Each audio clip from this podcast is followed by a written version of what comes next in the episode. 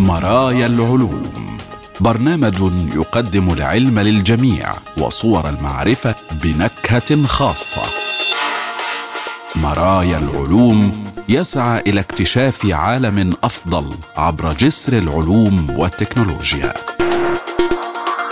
مرايا العلوم العلم كموضوعة رائجة نحو حياة أكثر فعالية واتساق أكبر مع الطبيعة.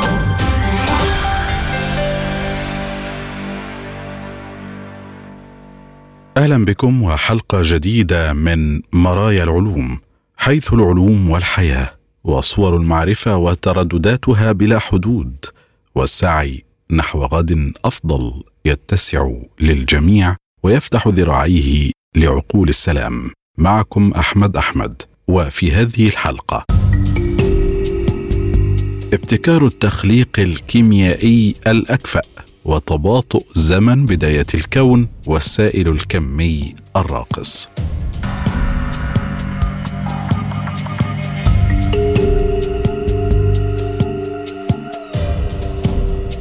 البداية نشرة العلوم. يبدو أن الوقت كان أبطأ بخمس مرات في بداية نشأة الكون. ظاهرة تسمى تمدد الزمن الكوني. وتعني أن الأحداث التي وقعت في الكون المبكر يبدو أنها تتطور بشكل أبطأ من تلك الموجودة اليوم. اذا حسب تحليل حديث للبيانات يبدو أن الوقت كان يمر بشكل أبطأ فعليا عندما كان الكون فتيا وفقا لملاحظات الأجسام الفلكية القديمة التي ظهر أنها تتطور بخمس المعدل الذي نراه اليوم. تبدو فكرة أن الزمن يظهر أبطأ في الماضي غريبة لكنها نتيجة مباشرة لتوسع الكون منذ الانفجار الأعظم. يعني هذا التوسع أن الضوء من الأحداث الكونية القديمة يجب أن يسافر لمسافات أطول للوصول إلى الأرض وبالتالي يستغرق وقتا أطول للوصول. نتيجة لذلك يبدو أن الأحداث الكونية البعيدة جدا أو البعيدة في الزمن تتكشف بشكل أبطأ مقارنة بالحدث ذاته الذي يحدث في الجوار الآن. هذا لا يعني أن الكون المبكر كان في حركة بطيئة ولكن أي شخص حاضر منذ مليارات السنوات كان سير الزمن يتطور بشكل طبيعي. منذ تسعينيات القرن الماضي لاحظ علماء الفيزياء الفلكية هذا الانحناء الزمني السماوي في المستعرات الأعظمية البعيدة أي الانفجارات النجمية القوية حيث يعود أقدمها إلى حوالي نصف عمر الكون. ويبدو أنه يتطور بنسبة 60% من السرعة التي نراها اليوم. وبالفعل اكتشف الباحثون نسخة أكثر تطرفا في وقت سابق من الكون حينما نظروا إلى الكويزارز وهي أجسام تقع في مركز بعض المجرات المكونة من ثقب أسود فائق الكتلة. ومن ناحية أخرى قد تساعدنا معظم الكويزرات البعيدة في حل كيفية تشكل الثقوب السوداء الهائلة. والتي تعطينا بدورها صورة أدق عن تشكل الكون. وقد اكتشف علماء الفلك سابقا أبعد كويزار رأيناه على الإطلاق على بعد حوالي 13 مليار سنة ضوئية من الأرض. يوضح لنا كيف أثرت الثقوب السوداء الهائلة الأولى على مجراتها. والكويزرات هي أجسام ساطعة للغاية. كما قلنا في مراكز بعض المجرات التي تتكون من ثقب أسود هائل محاط بقرص من البلازما الساخنة. وقد تم اكتشاف الكويزار الذي تم تحديده حديثا والذي يطلق عليه JO31 3 1806 بواسطة علماء الفلك باستخدام العديد من المراصد القوية. يقع على بعد 20 مليون سنة ضوئية من صاحب الرقم القياسي السابق وثقبه الأسود الهائل. ضعف كتلته فهو أكبر بنحو 1.6 مليار مرة من كتلة الشمس.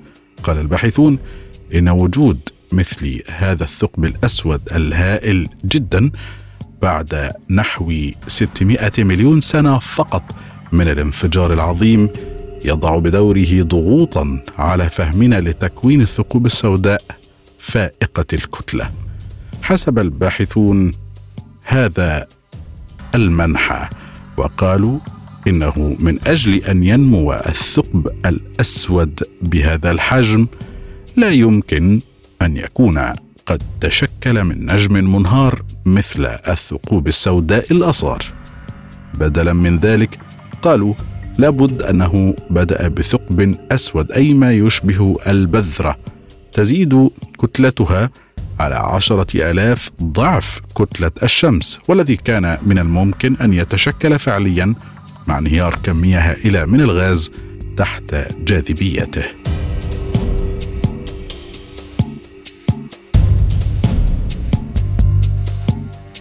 تسخير ضوء الشمس اختراق مهم في المحفزات المستدامة للتخليق الكيميائي. ابتكر الباحثون طريقه أكثر كفاءة وصديقه للبيئة للتخليق الكيميائي ووعدوا بتحسينات كبيرة في الاستدامة. تتضمن التقنية المبتكرة تشتت الذرات المعزولة على دعامات نيتريد الكربون ما يشكل محفزا أكثر نشاطا في تفاعلات الأسترة. وهو أمر بالغ الأهمية لإنتاج عناصر مثل الأدوية والمضافات الغذائية والبوليمرات. يقلل المحفز من الاعتماد على المعادن النادرة ويمكن تنشيطه بواسطة أشعة الشمس ما يحد من استهلاك الطاقة. وبالفعل طور العلماء محفزا جديدا تنشطه الشمس يقلل الاعتماد على المعادن النادرة ويعزز كفاءة تفاعلات الأسترة. وهو كما قلنا أمر بالغ. الأهمية والضرورة لمنتجات الأدوية والبوليمرات ويعد هذا الاختراق في التخليق الكيميائي. اذا وبتحسينات كبيرة مليئا بالوعود في آليات الاستدامة وتطويرها من خلال الحفاظ على الموارد المحدودة وتقليل التأثير البيئي. يفتح الاكتشاف الجديد افاقا حديثة في مجال التخليق الكيميائي المستدام ويعزز الحلول المبتكرة التي تسمح بتكوين المواد الكيميائية بطريقة أكثر كفاءة وصديقة للبيئة. باستخدام التقنية المبتكرة لتشتيت الذرات المعزولة على دعامات نيتريد الكربون طور الفريق العلمي محفزا يكون أكثر نشاطا وانتقائية في تفاعلات الاستره يعد هذا تفاعلا مهما اذا ويتم فيه دمج الأحماض الكربوكسيليه والبروميدات لتشكيل المنتجات المستخدمة في تصنيع الأدوية والمضافات الغذائية والبوليمرات. أما الميزة الثورية لهذا المحفز الجديد فهي أنه يقلل من استخدام المعادن النادرة وهي خطوة مهمة نحو الحفاظ على الموارد الحيوية وجعل العمليات أكثر استدامة. بالإضافة إلى ذلك فهو يمكن أن ينشط المحفز بواسطة أشعة الشمس ما يلغي الحاجة إلى الأساليب كثيفة الاستهلاك للطاقة ويحمل هذا الاكتشاف أيضا بدوره وإمكانات هائلة في تقليل الاعتماد على الموارد المحدودة تماما بل والنادرة. وتقليل التأثير البيئي للعمليات التحفيزية.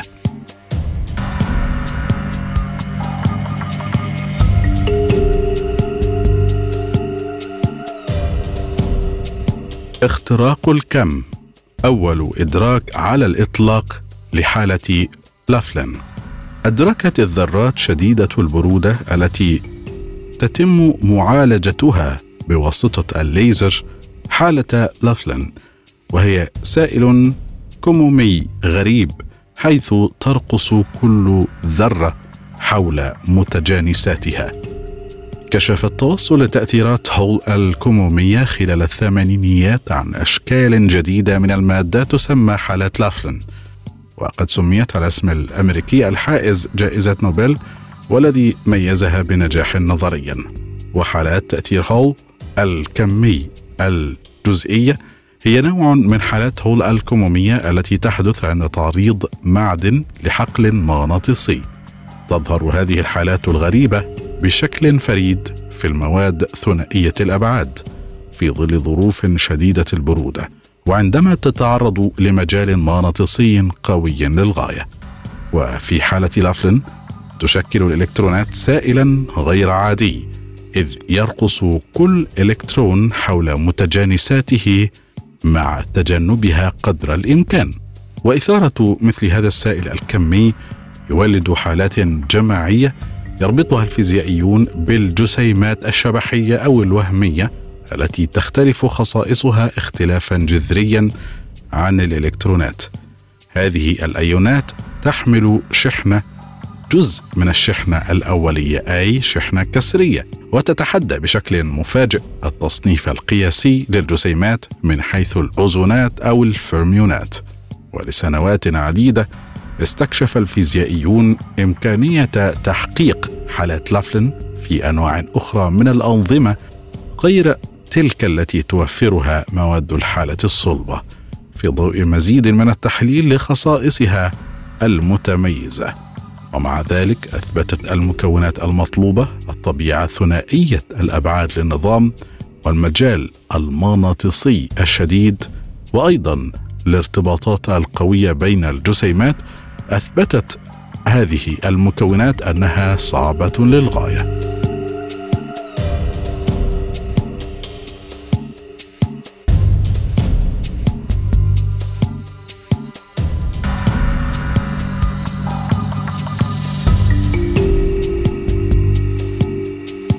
اجتمع فريق دولي حول المجموعة التجريبية لماركوس جرينر في هارفارد وكتبوا تقريرا عن أول إدراك لحالة لافلن باستخدام ذرات محايدة شديدة البرودة تتم معالجتها بواسطة الليزر. تتكون التجربة من حبس بضع ذرات في صندوق بصري. وفي تنفيذ المكونات المطلوبة لإنشاء هذه الحالة الغريبة مجال مغناطيسي تركيبي قوي وتفاعلات قوية بين الذرات. يكشف الباحثون عن الخصائص المميزة لحالة لافلن من خلال تصوير الذرات واحدة تلو الأخرى عبر مجهر غاز كمومي قوي يقولون إنها تظهر الرقص الغريب للجسيمات التي تدور حول بعضها البعض بالإضافة إلى الطبيعة الجزئية لحالة لافلن الذرية المحققة. اذا يفتح هذا الإنجاز الباب أمام مجال جديد واسع لاستكشاف حالات لافلن وأبناء عمومتها. على سبيل المثال ما يسمى بحالة موريد في المحاكيات الكمومية بالطبع. كما يكشف أن إمكانية إنشاء وتصوير ومعالجة أي أحجار تحت مجرى الغاز الكمومي جذابة بشكل خاص وتتم ربما في ضوء استغلال خصائصها الفريدة في المختبر.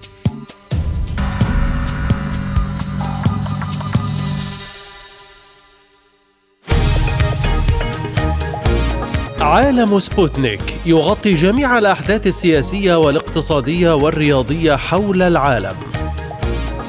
على مدار ساعة تتابعون عالم سبوتنيك مع أهم خبراء التحليل السياسي والاقتصادي. نقترب معكم في متابعة دقيقة من القضايا السياسية والاقتصادية، كما نستعرض أهم الأخبار الرياضية والفنية والبيئية. انتظروا عالم سبوتنيك أيام الجمعة والسبت والأحد من كل أسبوع. ملفات ساخنة. برنامج يسلط الضوء على أهم القضايا الحرجة في العالم. في ملفات ساخنة نستعرض القضايا مع جميع الأطراف ومن كل الزوايا لاستجلاء الحقيقة. ملفات ساخنة يستضيف أهم الخبراء وأجرأ الضيوف. تابعوا ملفات ساخنة مع راديو سبوتنيك أيام السبت والثلاثاء والخميس من كل أسبوع. استخدام الحمض النووي لتحويل ثاني أكسيد الكربون إلى منتجات ذات قيمة. يعتبر ثاني أكسيد الكربون أو برمزه CO2 منتجا مهما للعديد من الأنشطة البشرية بما في ذلك التصنيع. كما أنه مساهم رئيسي في تغير المناخ. لذلك كان الهدف الرئيسي في قطاع الطاقة هو تحويل ثاني أكسيد الكربون المنبعث كيميائيا إلى وقود أو مواد كيميائية أخرى ذات قيمة. وعلى الرغم من توفر ثاني أكسيد الكربون بغزارة إلا أنه لم يتم استخدامه على نطاق واسع لتوليد منتجات ذات قيمة مضافة. ولم لا أحد الأسباب الرئيسية هو أن جزيئات ثاني أكسيد الكربون عالية الاستقرار. لذلك فهي ليست عرضة للتحول الكيميائي إلى شكل مختلف. وقد سعى العلماء للحصول على مواد وتصميمات للأجهزة يمكن أن تساعد في تحفيز هذا التحويل ولكن لم ينجح أي شيء بشكل جيد حتى الآن لإنتاج نظام فعال وأيضا ذو فاعلية من حيث التكلفة.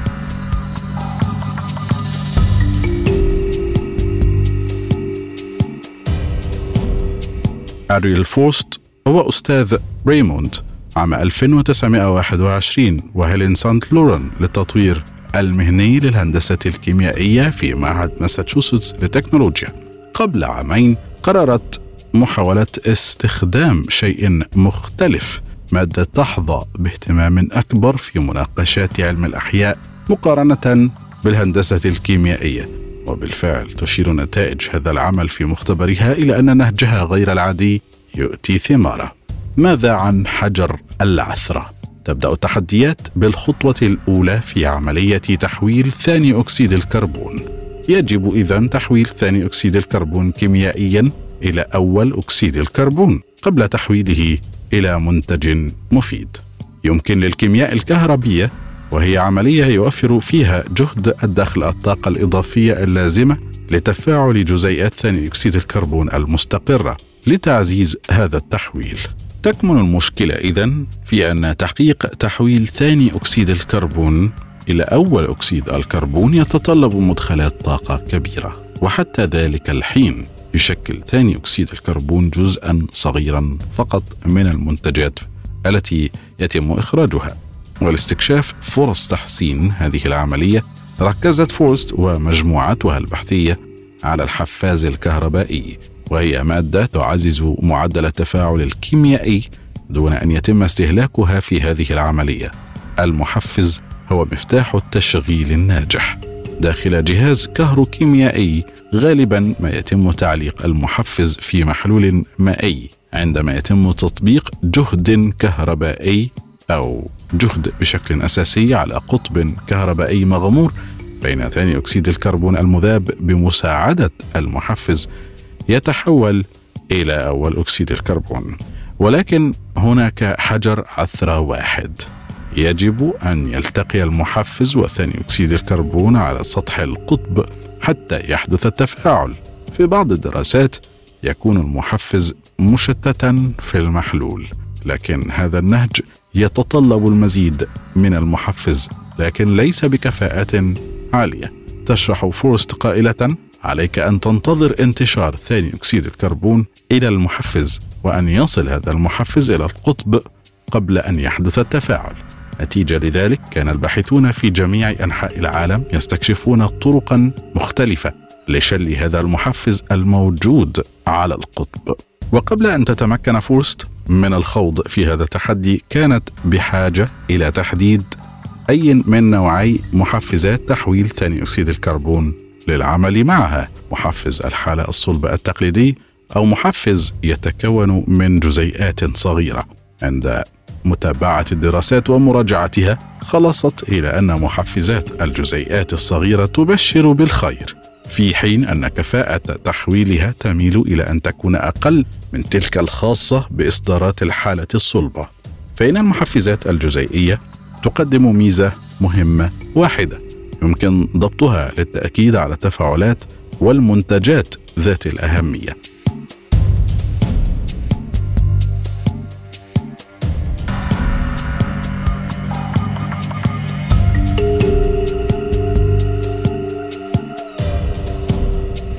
يتم استخدام طريقتين بشكل شائع لتثبيت محفزات الجزيئات الصغيرة على قطب كهربي. الأول ينطوي على ربط المحفز بالقطب الكهربي عن طريق روابط تساهمية قوية وهي نوع من الروابط تشترك فيها الذرات في الإلكترونات ونتيجة هي اتصال قوي ودائم بشكل أساسي. يقوم الآخر بإنشاء ارتباط غير تساهمي بين المحفز والقطب الكهربي. على عكس الرابطة التساهمية يمكن كسر هذا الاتصال بسهولة. ولا يعتبر أي من النهجين. مثاليا في الحالة الأولى المحفز والقطب الكهربي متصلان بإحكام ما يضمن تفاعلات فعالة. ولكن عندما يتدهور نشاط المحفز بمرور الوقت وهو ما سيحدث بالفعل لا يمكن الوصول إلى القطب. في الحالة الأخيرة يمكن إزالة المحفز المتحلل. ولكن لا يمكن التحكم في الموضع الدقيق للجزيئات الصغيرة للمحفز على القطب ما يؤدي إلى كفاءة تحفيزية غير متسقة وغالبا ما تكون متناقصة وزيادة كمية المحفز على سطح القطب ببساطة دون القلق بشأن مكان وضع الجزيئات لا يحل المشكلة. ما كان مطلوبا هو طريقة لوضع محفز الجزيء الصغير بدقة على القطب الكهربي ثم تحريره عندما يتحلل.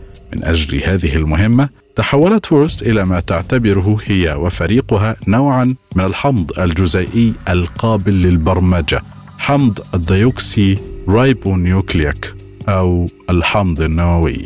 مثلا أذكر الحمض النووي لمعظم الناس وسيفكرون في الوظائف البيولوجية في الكائنات الحية بالطبع. لكن أعضاء معمل فورس ينظرون إلى الحمض النووي على أنه أكثر من مجرد شفرة جينية. تقول يمتلك الحمض النووي هذه الخصائص الفيزيائية الرائعة حقا كمادة حيوية لا يفكر فيها الناس كثيرا ويمكن استخدام الحمض النووي كجزيئات يمكنها لصق الأشياء معا بدقة عالية جدا. عرفت فورست أن تسلسل الحمض النووي سبق استخدامه لشل حركة الجزيئات على الأسطح لأغراض أخرى.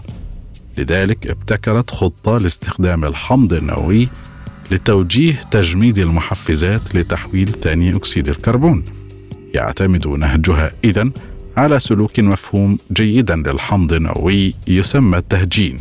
فبنيه الحمض النووي المألوفة عبارة عن حلزون مزدوج يتشكل عند اتصال خيطين متكاملين عندما يتطابق تسلسل القواعد وهي اللبنات الأساسية الأربعة للحمض النووي في الخيوط الفردية أو الشرائط تتشكل الروابط الهيدروجينية بين القواعد التكميلية وتربط الخيوط معا بقوة.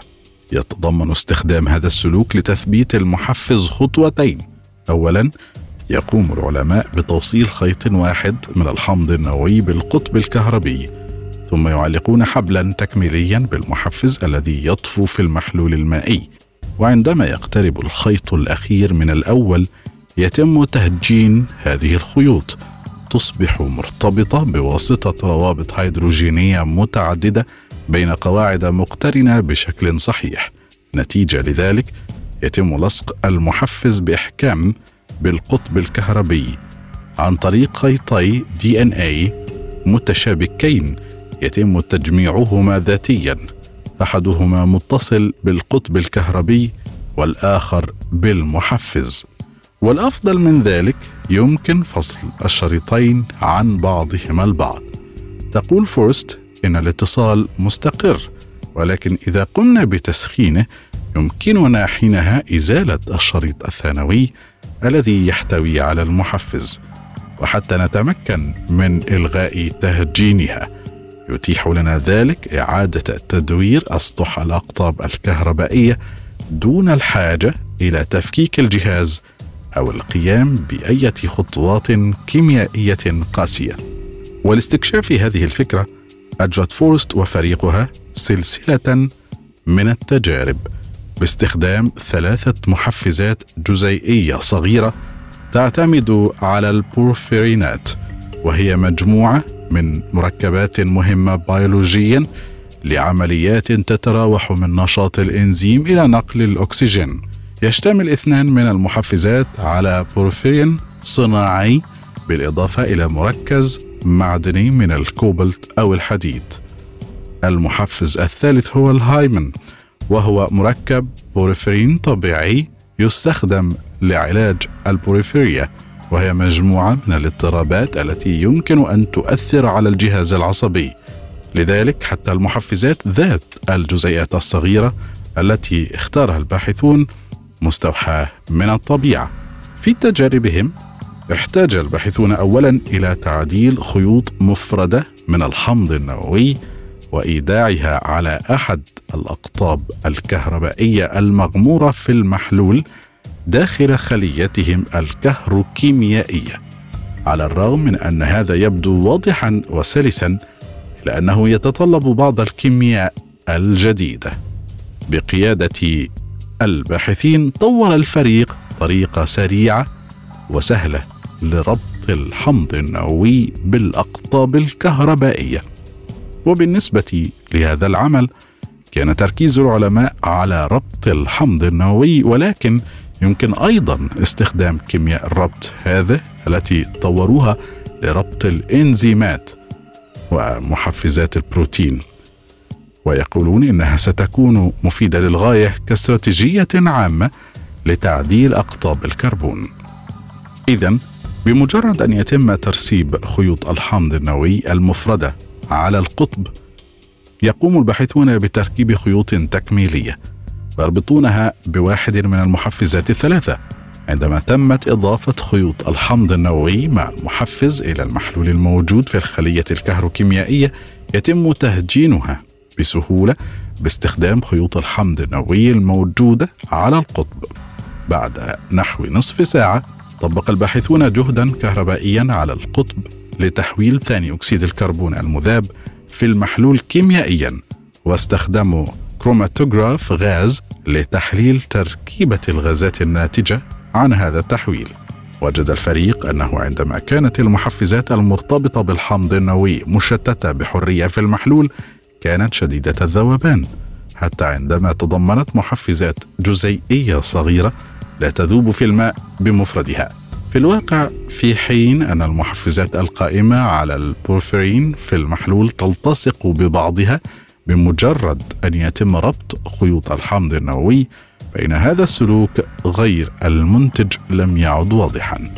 كانت المحفزات المرتبطة بالحمض النووي في المحلول أكثر استقرارا من نظيراتها غير المعدلة. لم تتحلل عند الفولتية ما تسبب في تحلل المحفزات غير المعدلة. لذا فإن مجرد ربط هذا الشريط الفردي من الحمض النووي بالمحفز الموجود في المحلول يجعل تلك المحفزات أكثر استقرارا. يقول الباحثون لسنا مضطرين حتى لوضعها على سطح القطب لرؤية تحسين الاستقرار. فعند تحويل ثاني أكسيد الكربون بهذه الطريقة سيعطي المحفز المستقر تيارا ثابتا بمرور الوقت. وأظهرت النتائج التجريبية أن إضافة الحمض النووي يمنع المحفز من التدهور عند الجهد والفولتية ذات الأهمية للأجهزة العلمية.